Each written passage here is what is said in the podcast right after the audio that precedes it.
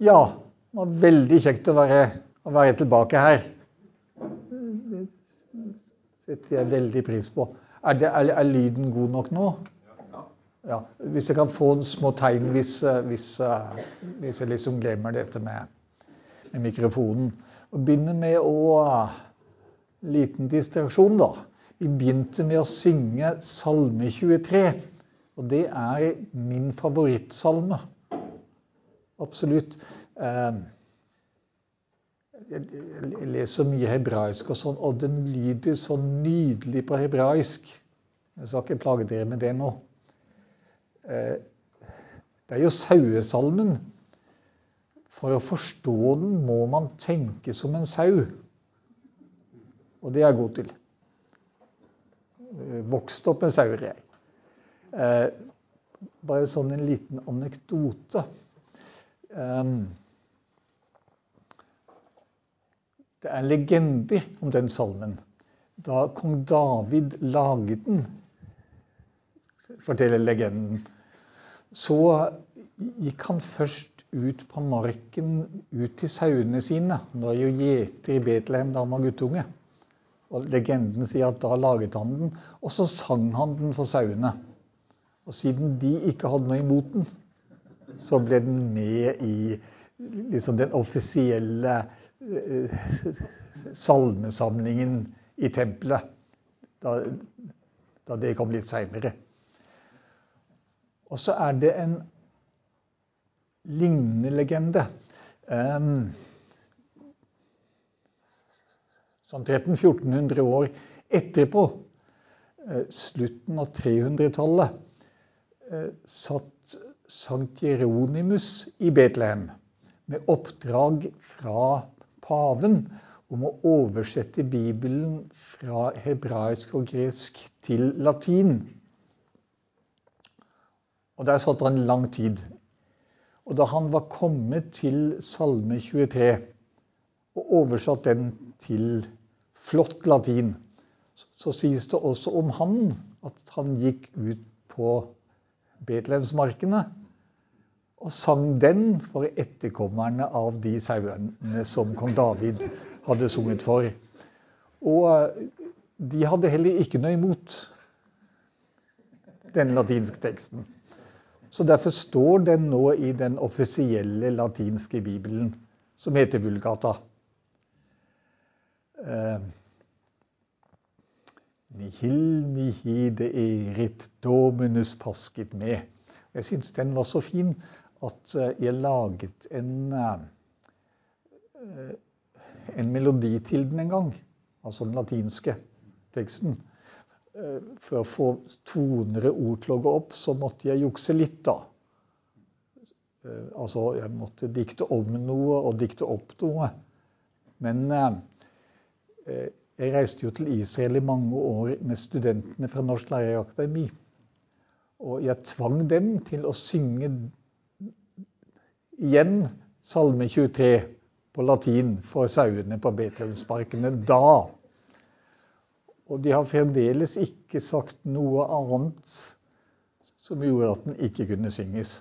Um, hvis noen har lyst til å høre mer om de sauene, og nå er det egenreklame uh, På nettet Melandkyrkja ja, det heter vel Mæland kirkelyd, tror jeg det heter på nettet. Så har jeg noen sånne bitte små bibeltimer.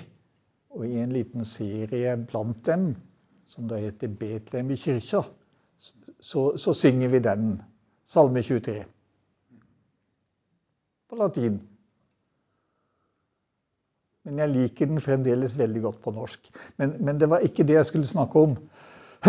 Vi skulle snakke om syndfloden av Babels tårn. Altså begynnerdelen av første Mosebok. må først bare si det at um, jeg tror faktisk på alt dette her, jeg. Jeg leser det, og ja, jeg tror det som står der. Um, ikke alt er like fint å høre.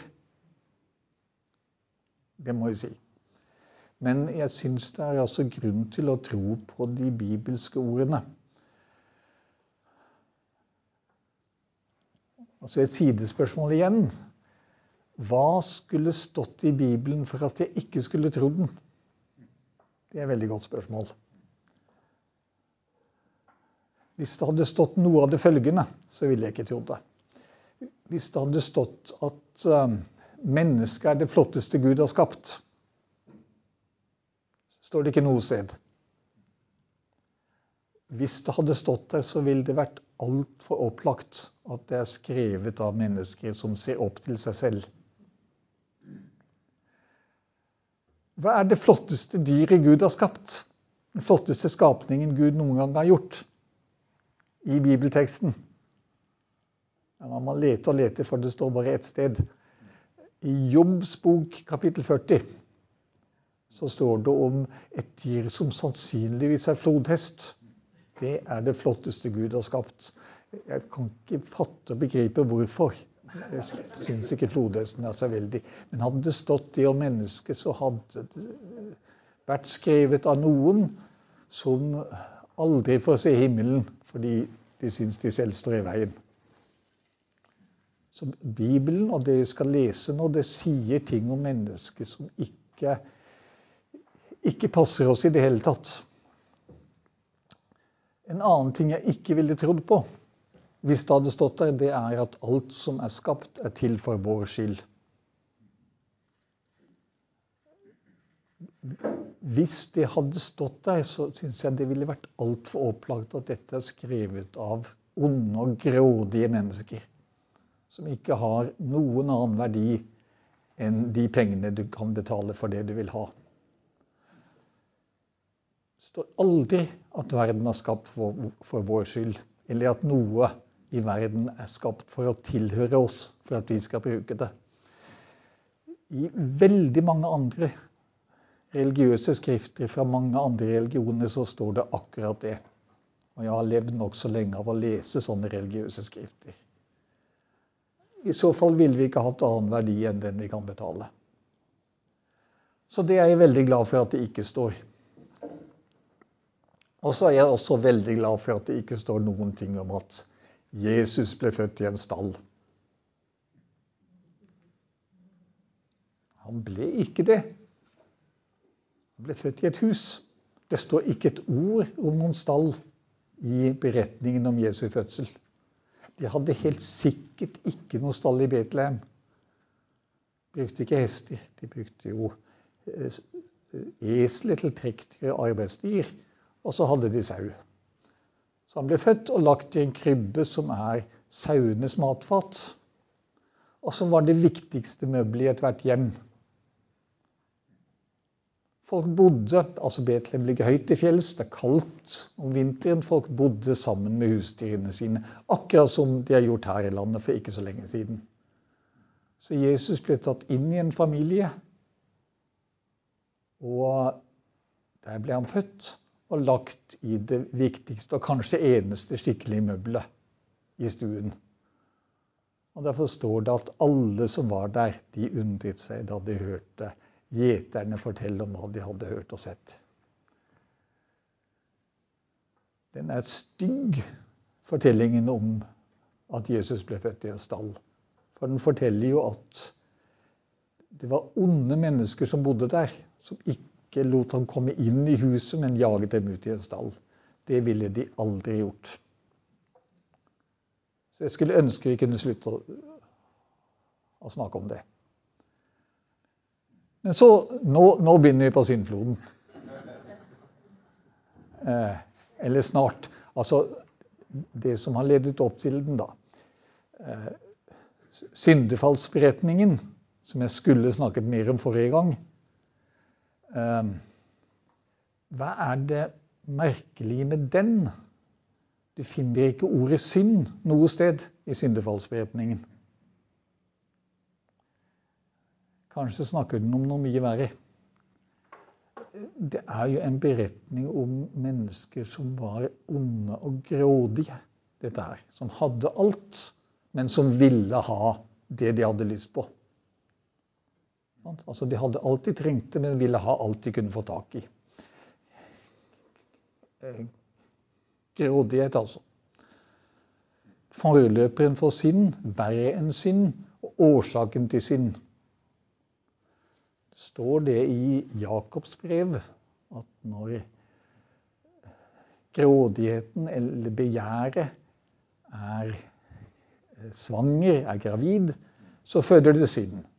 Og når synden er moden, så føder den død. Så det er grådighet, synd og død. Og det er grådighet vi blir dømt. Vi blir fordømt av. Synd blir vi tilgitt for. Grådighet, da er vi fortapt. Og det er på en måte hovedbudskapet der. Og så i opp, oppløpet til, til, teksten vår så snakker den om Kain og Abel. Og da kommer både synd inn i bildet og mord inn i bildet. Fordi Kain slår Abel i hjel. Hvorfor gjorde han det? Det står ikke noen ting annet om dem, hva slags folk de var, eller at den ene var ond og den andre var god. Det kommer først lenge lenge etterpå i Det nye testamentet. Men når de leste den si der og da, så så de bare nesten ikke noe om disse to, men Kain slo Abel i hjel. Hvorfor gjorde han det? Egentlig er det veldig opplagt for de som leste den først. Det står om yrket deres. Kain ble bonde. Abel ble sauegjeter. Alle som hørte det først, de ville med en gang se dette går bare én vei. En av dem kommer til å slå i hjel den andre.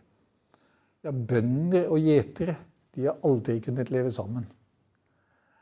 Skal du la, hus, la, la dyrene få beite over alt, som gjeteren vil. Bonden vil akkurat det motsatte. Han dyrker ting og vil jo ikke at alle slags dyr skal komme og spise det opp. Så han gjerder det inn.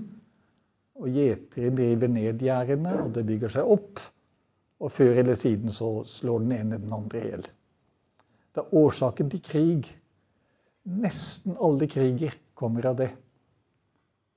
Bønder og gjetere som slåss. Akkurat nå så gjør de det spesielt i Sentral-Afrika. Og Det er derfor det aldri blir slutt på krig. For det finnes ikke noe, noen formel som kan løse akkurat det. Og Derfor blir det alltid krig i verden. Av den eller lignende årsaker. Og Derfor Bibelen forteller altså det som er sant. Enten vi liker det eller ikke. Og da litt mer som vi ikke liker. Og nå kommer vi til syndfloden. De kan si at den begynner altså Selve syndfloden er jo i fra kapittel 7, med, med alt regn og vannet. Men den begynner i første Mosebok kapittel 6. Altså på slutten av kapittelet. Herren så at menneskenes ondskap var stor på jorden alle tanker som rørte seg i deres hjerter, var onde dagen lang. Og der har du oss. Der har du hva Bibelen synes som menneske. Det er faktisk Bibelens menneskesyn. Det er den eneste skapningen som er ond.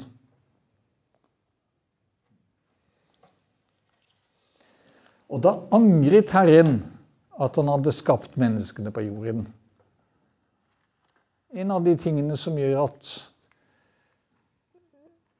veldig få andre Ja, faktisk ingen andre religioner har kunnet godta Bibelen. Hva er det for slags Gud som angrer på det han gjør?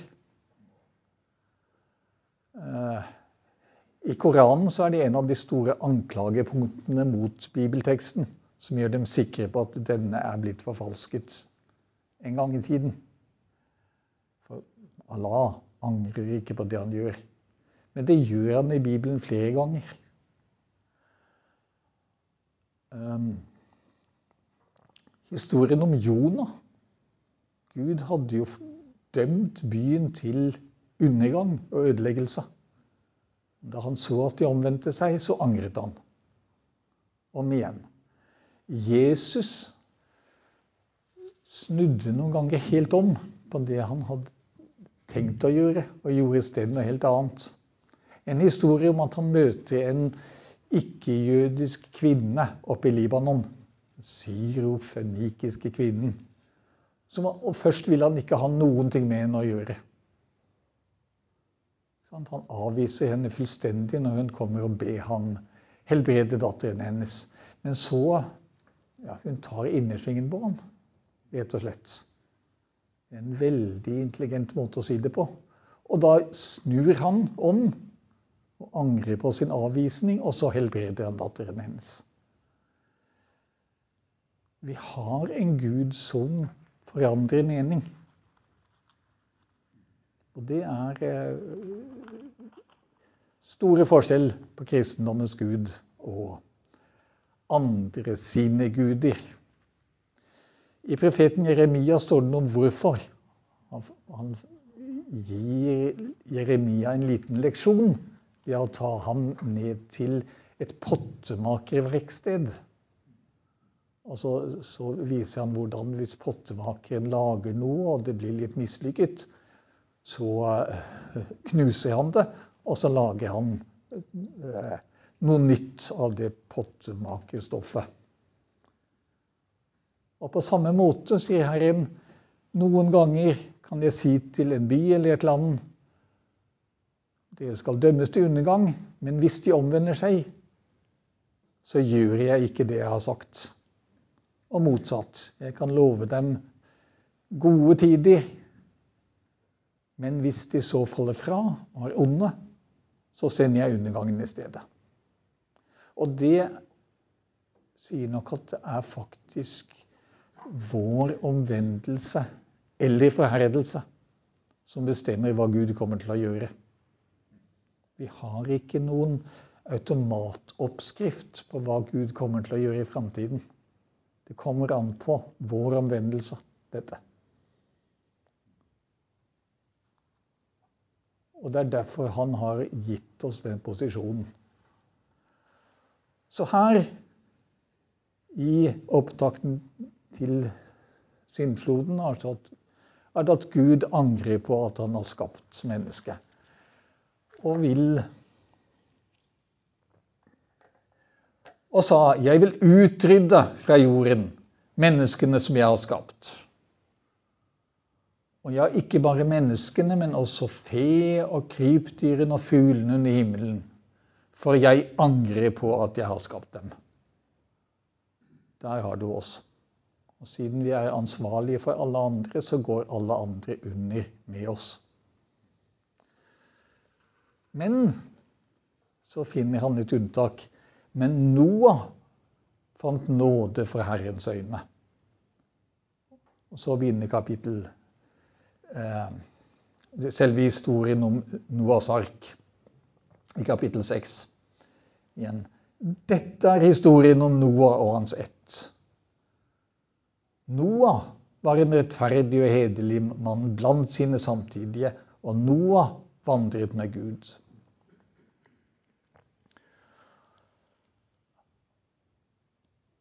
Og Noah finner vi jo i denne første etter, ettertavlen i Bibelen i kapittel 5. Eh, jeg skal ikke lese alt, for det tar for lang tid, men ta liksom de viktigste punktene og prøve å finne noe vanskelig.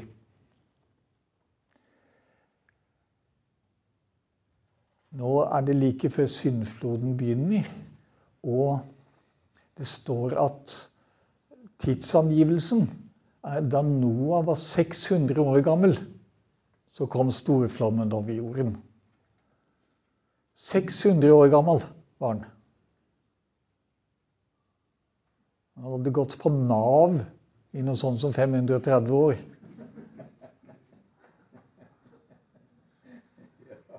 Går det an å tro det der?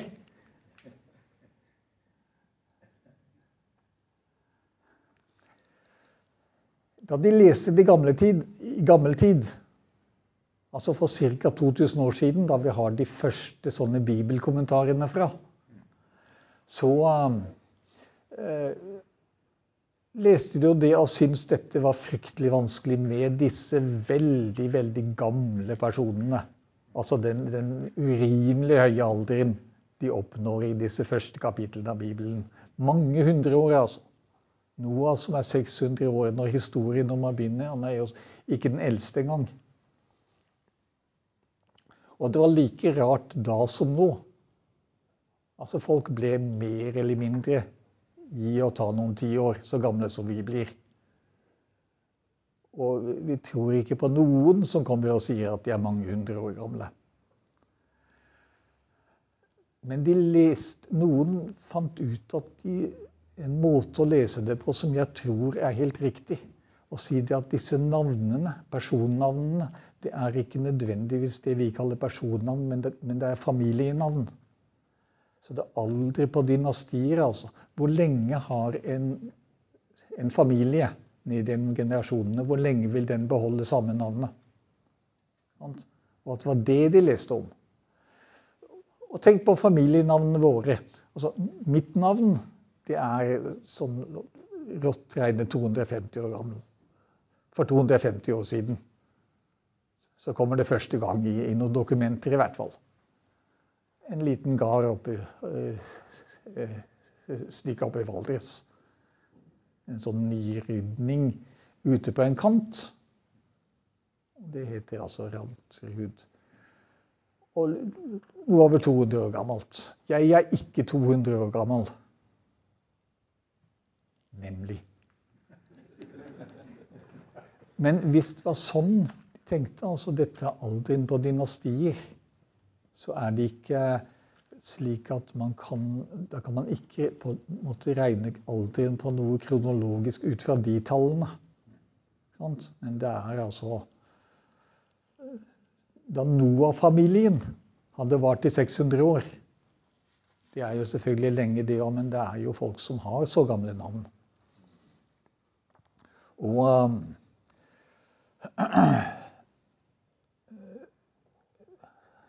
Altså slik at de så, de så vanskeligheten, men tenkte at dette er en rimelig måte å se det på. Og det, det synes vel egentlig jeg òg. Så det å regne tall og kronologier ut fra bibelteksten, det er vanskelig. Og vi ser det bl.a. på den måten at forskjellige bibelmanuskripter og bibeloversettelser og eller bøker om Bibelen fra gammelt av, de har helt forskjellige tall. Og det har de omtrent hele veien. Men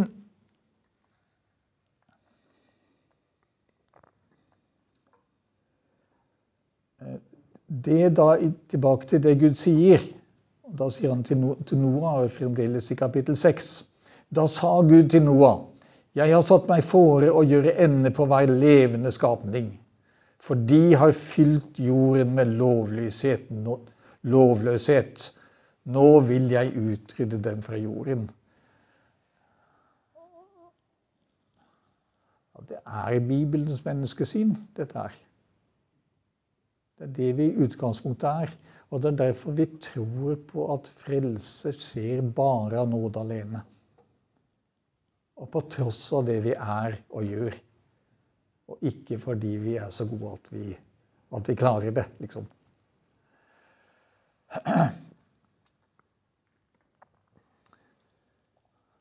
Og så i stedet for å lese alle detaljene, for vi, vi kjenner omtrentlig eh, hovedtrekkene i det, i hvert fall.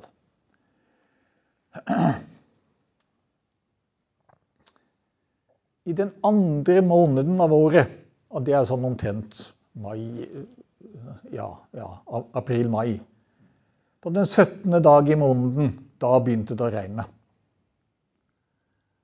Og da må vi jo si litt, litt om klimaet. Ehm, så står det at det regnet i 40 dager, og det er vi ikke imponert over her. Altså Klimaet i Midtøsten det er stort sett sånn at det er egentlig bare to sesonger. Det er sommer og vinter. Og det regner om vinteren, og det er tørt om sommeren. Akkurat som her. Bortsett fra at det regner noen sommeren nå. Men altså, i Midtøsten vår og høst er veldig korte. Ca. en uke går det fra den ene sesongen til den andre. Når det kommer til den midt i den andre måneden, så er du ferdig med å høste inn bygg. Og det er midt i innhøstingen av hvete.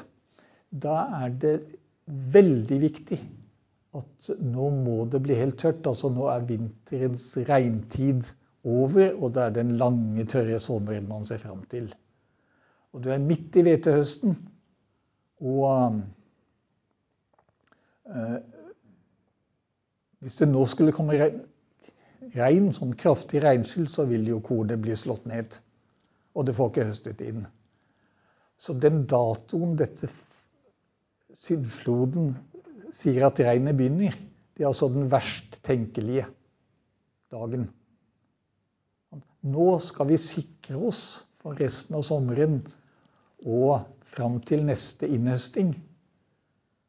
Og vi må fylle opp lagrene, ellers så har vi for lite mat. Og da kommer det å bli alt ødelagt. Det, var altså så ille, dette. Og 40 dagers regn der, det er jo lenge. Og når du da har ødelagt all maten, ja, du kan ikke pløye og så på nytt igjen. Fordi jorden er, helt, er nå helt våt og sørpete. Og det må eh, det må bli tørt igjen. Så den første dagen har antagelig folk tatt noenlunde med ro. Ja vel, dette var bare en litt sein regnskyll. La solen skinne en dag eller to, så kan vi begynne på nytt igjen. Men så fortsatte og fortsatte og fortsatte det.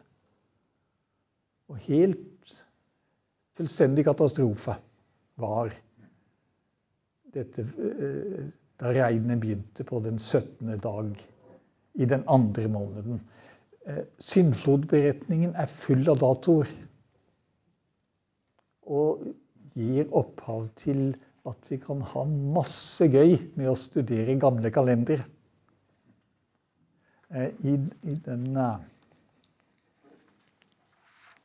I denne boka her, 'Den innbilte konflikten', som jeg veldig gjerne vil anbefale å anbefale, der, der står det bl.a. en fin liten oversikt over disse datoene for syndfloden. Og lykke til med å sitte og regne litt på dem. Det er, eh, det er sånn jeg syns er gøy, i hvert fall. Men det, det, som jo skjer, det er fordi menneskene er onde, så sender Gud en klimakatastrofe over dem. Og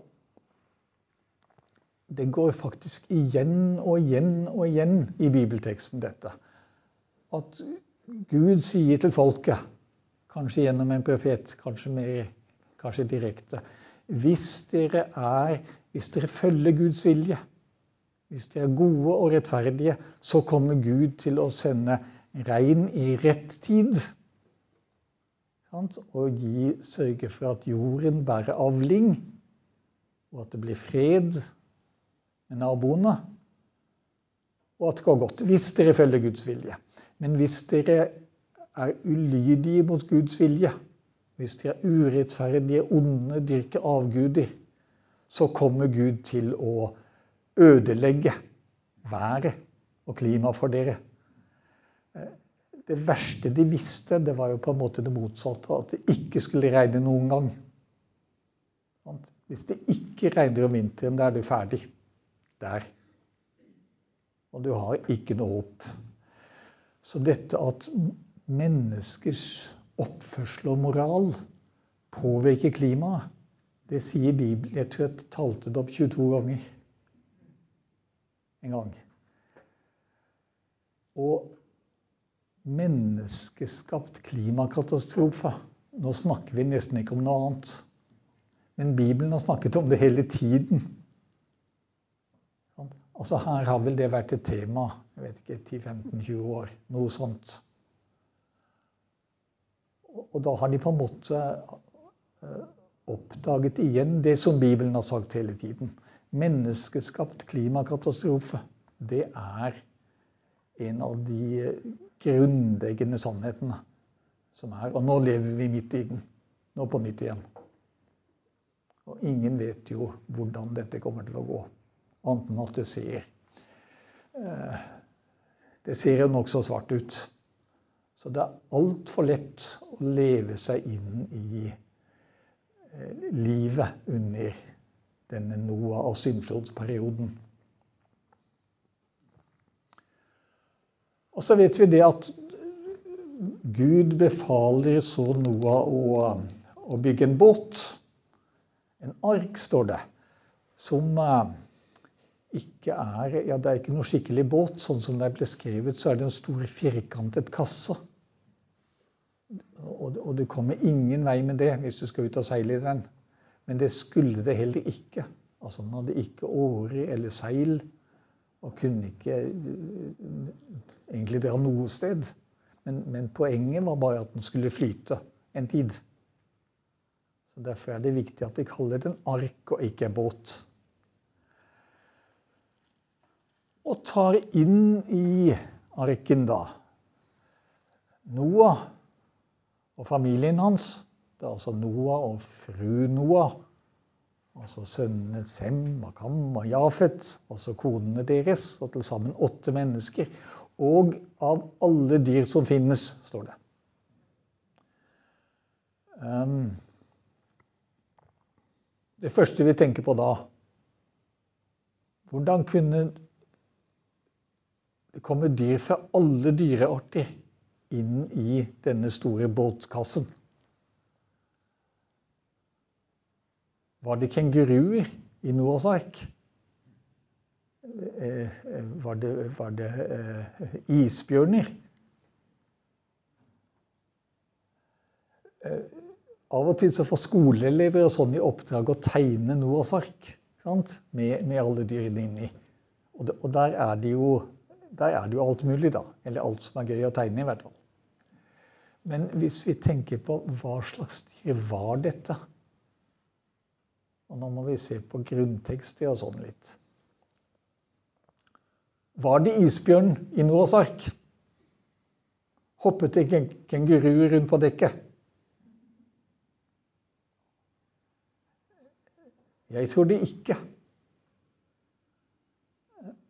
Um, og det er fordi noe av hvordan det er beskrevet om hvor dette skjedde.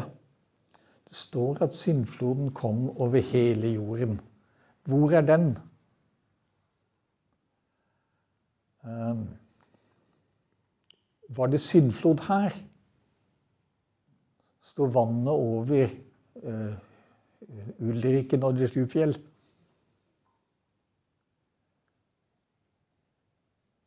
Antagelig ikke.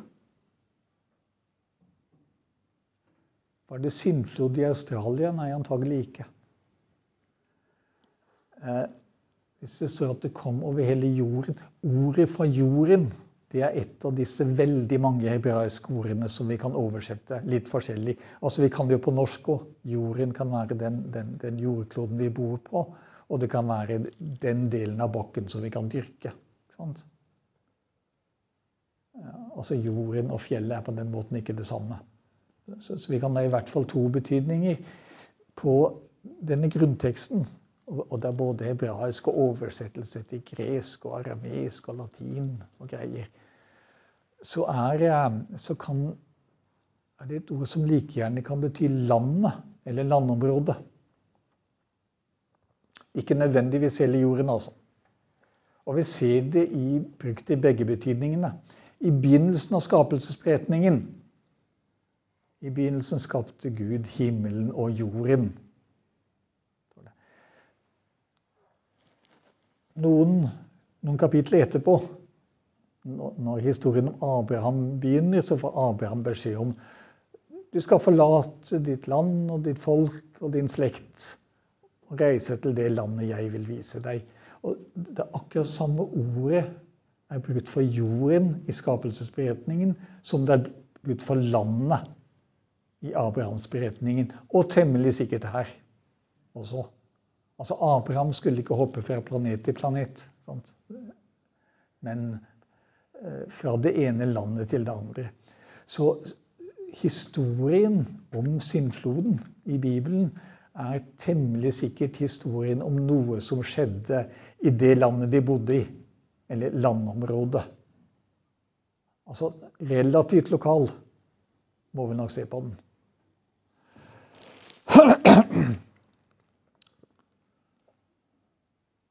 Og at vi ikke så noe til den her. Det, det så derfor var det sikkert ikke kenguruer eller isbjørner i Noas ark.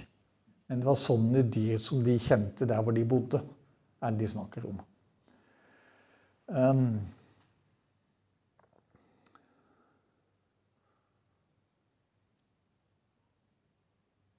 det er en fryktelig interessant teori om hvilken begivenhet det er som kan ha gitt opphavet til beretningen og teksten om syndfloden. Eh, for sånn, jeg tror det er ca. 7000 år siden, så var det et jordskjelv eller noe som åpnet det som heter Bosporosstredet, som forbinder Middelhavsbassenget og Svartehavsbassenget. Altså Da var Svartehavet en innsjø, mye lavere enn Middelhavet. Og så var det Bosporosstredet, det var fastland hele veien, og holdt Eh, eh, slik at det holdt det høye Middelhavet utenfor det lave Svartehavsbassenget. Og så et eller annet gjorde at dette brøt sammen, antagelig jordskjelv, og det flommet vann inn gjennom Bosporosstredet. Hvor er Bosporosstredet? Ja, ja, det er Tyrkia på begge sider. Det går altså fra rett forbi Istanbul og så, og så litt nordover og så ut i Svartehavet. Og der går det jo båter forbi hele tiden. Og det, da ble Svartehavet fylt opp. Og de som var så uheldige at de bodde på bunnen av dette bassenget, de ble jo helt oversvømmet. Og når det kommer masse vann fra Middelhavet inn i en svær flodbølge, så danner det seg sånne lokale tsunamier som jo sender vannet langt, langt oppover, oppover fjellsidene. Så antagelig ble hele Svartehavsbassenget, hele området, altså fullstendig oversvømt. Men en tid. Fordi vannet som nå står veldig høyt opp, det vil jo renne tilbake før eller siden, og det vil stabilisere seg over en tid. Men man finner visst den dag i dag, altså på bunnen av Svartehavet, så er det bygninger og rester av byer og sånn. Så at det har vært en storflod i det området Bibelen snakker om, det er jeg ikke i tvil om. Og dette er altså fortellingen om hva den betydde. er jo da måten Bibelen skal snakke om det. Og så står det det om den at uh, Hva er det nå, da?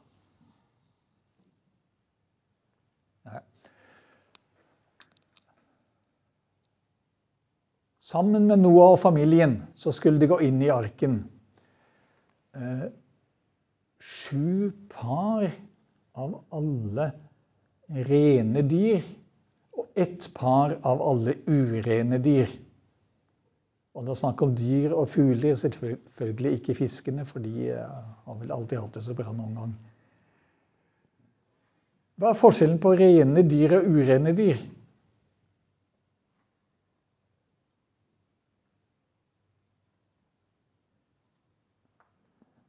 Altså, det er jo opplagt. Det er ikke snakk om hygiene.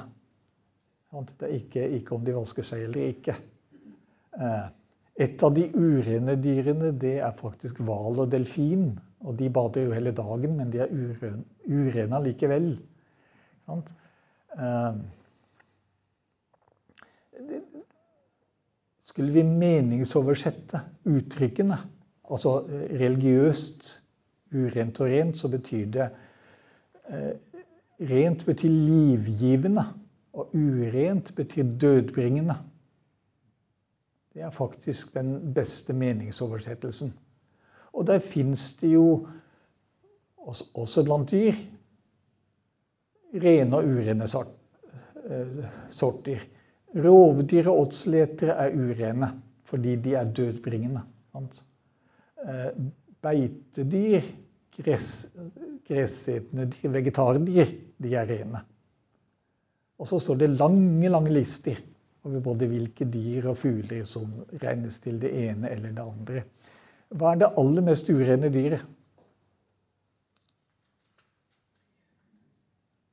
Og som du absolutt ikke skal spise. Ja, ikke det heller. Det er oss mennesker. Vi er de mest urene av alle. Og, og, måten man på en måte kan regne det ut på i, i, i Bibels sammenheng, det er hvor lang tid tar renselsesperioden etter at du har vært uren.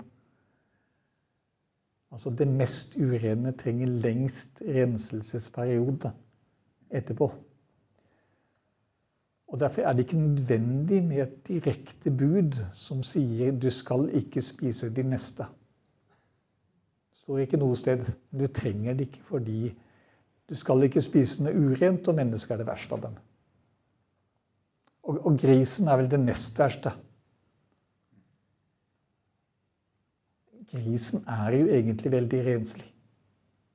Men, men uh, den spiser alt.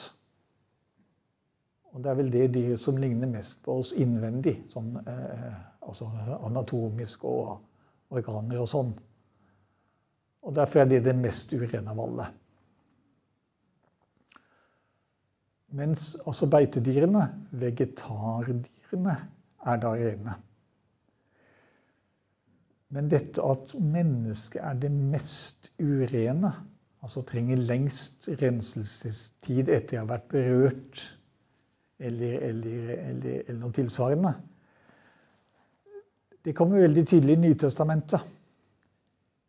Historien om da Jesus sto opp fra de døde og hadde gått ut av graven, ut i hagen utenfor, så kom Maria Magdalena og så ham. Og visste først ikke hvem det var, men da, eh, da hun kjente ham igjen? Så at dette var ikke bare gartner, dette var Jesus som hun hadde sett dø. Og som nå sto levende foran henne. Så blir hun veldig glad, og så kommer hun for å omfavne ham. Og han sier 'ikke røre meg', sier han. Og det høres forferdelig stygt og avvisende ut. Sant? Hun var veldig glad for å se han, og han sier 'ikke hold deg unna'. Grunnen til det er det at han var da offisielt, juridisk sett, altså var han et lik.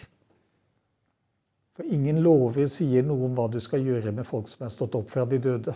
Fordi det, det, det, tenkte man ikke i det hele tatt. Så hadde hun berørt ham da, så ville hun måtte være uren i sju dager. For å berøre et lik, det er det styggeste du kan gjøre. Og hadde hun vært uren i sju dager, så ville hun måtte holde seg isolert og kunne ikke være vitne.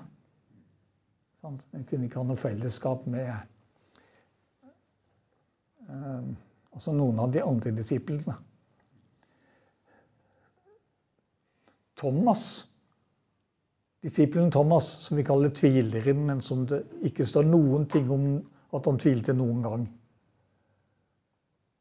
Han sier det at eh, nei, jeg vil ikke tro på at Jesus er stått opp fra de døde før jeg kan ta på ham og, og, legge hendene i sårene hans og berøre ham. Og så står det understreket at når Jesus først viser dette for disiplene, så er Thomas ikke til stede. Men åtte dager etterpå så viser han seg også for Thomas. Og Thomas kan da direkte berøre og ta på ham. For da er urenhetsperioden over. Og da kan altså Thomas både berøre Jesus og dessuten vitne om det. Å være en av apostlene. En fantastisk god historie både om Maria Magdalena og Thomas. Dette her. Og hvorfor de oppfører seg sånn som de gjør, og hvorfor Jesus oppfører seg overfor dem. Men jeg skulle ønske vi kunne snakke om tvileren Thomas. Jeg tror han er en av de som tror på største alvor. Ja. Oi, oi, oi. Jeg har snakket så lenge at jeg må slutte å snakke. Jeg er bare så vidt begynt på syndfloden. Den regner jo ikke engang. Men, men, den varer altså Vannet står over jorden i 150 dager, står det. Altså hele sommerstiden igjennom der. Og så begynner det å synke, og så går det enda 150 dager mens det renner vekk. Og så er det over, og Noah og familien kan gå ut av Noahs ark. Og alle dyrene de spretter og hopper rundt alle steder. Eh, ja, forresten, det må ha vært kaniner med i Noahs ark. For de finnes jo der. Hvor mange småkaniner tror dere var hoppet ut av arken? Det satte jeg studentene mine til å prøve å regne ut en gang. Vi skal slippe det nå. Men så er eh, De sprer seg da igjen over hele landet, hele landområdet. Og vi må tenke oss at det er sånn eh, et eller annet sted rundt Svartehavet. Liksom den delen av historien begynner. Arken blir stående fast på Araratfjellet. Og kanskje vet vi hvor det er, mellom Armenia og Tyrkia.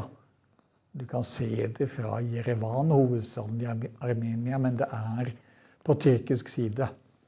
Og mange, mange, mange har jo prøvd å klatre opp på det fjellet og finne Noahs ark.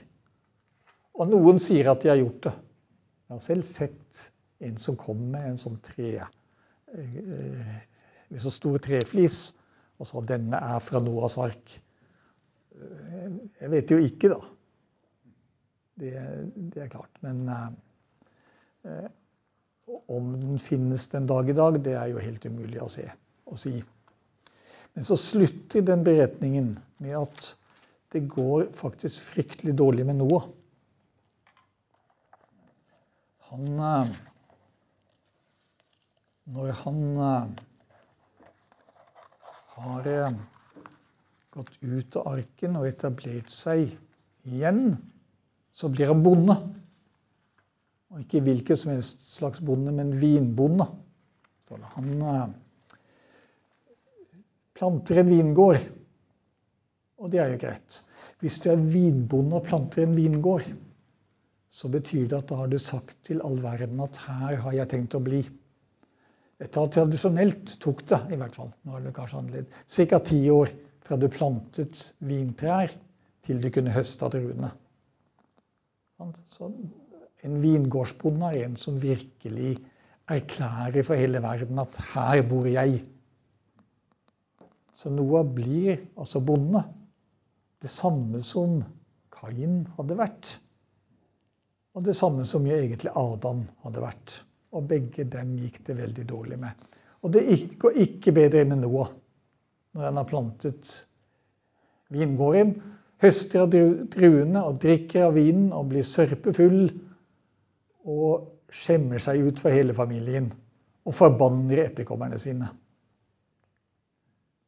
Det er slutten på historien om Noah. Og det er en veldig dårlig slutt. Men den, den er egentlig realistisk. Det går jo dårlig med mange mennesker.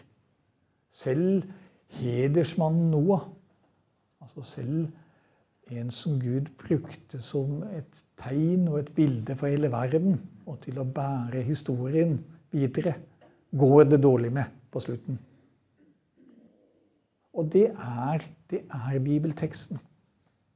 Altså, den er realistisk og stemmer altfor godt med hvordan vi er og hvordan vi lever. Og hvordan det går med oss. Nå er jeg ferdig.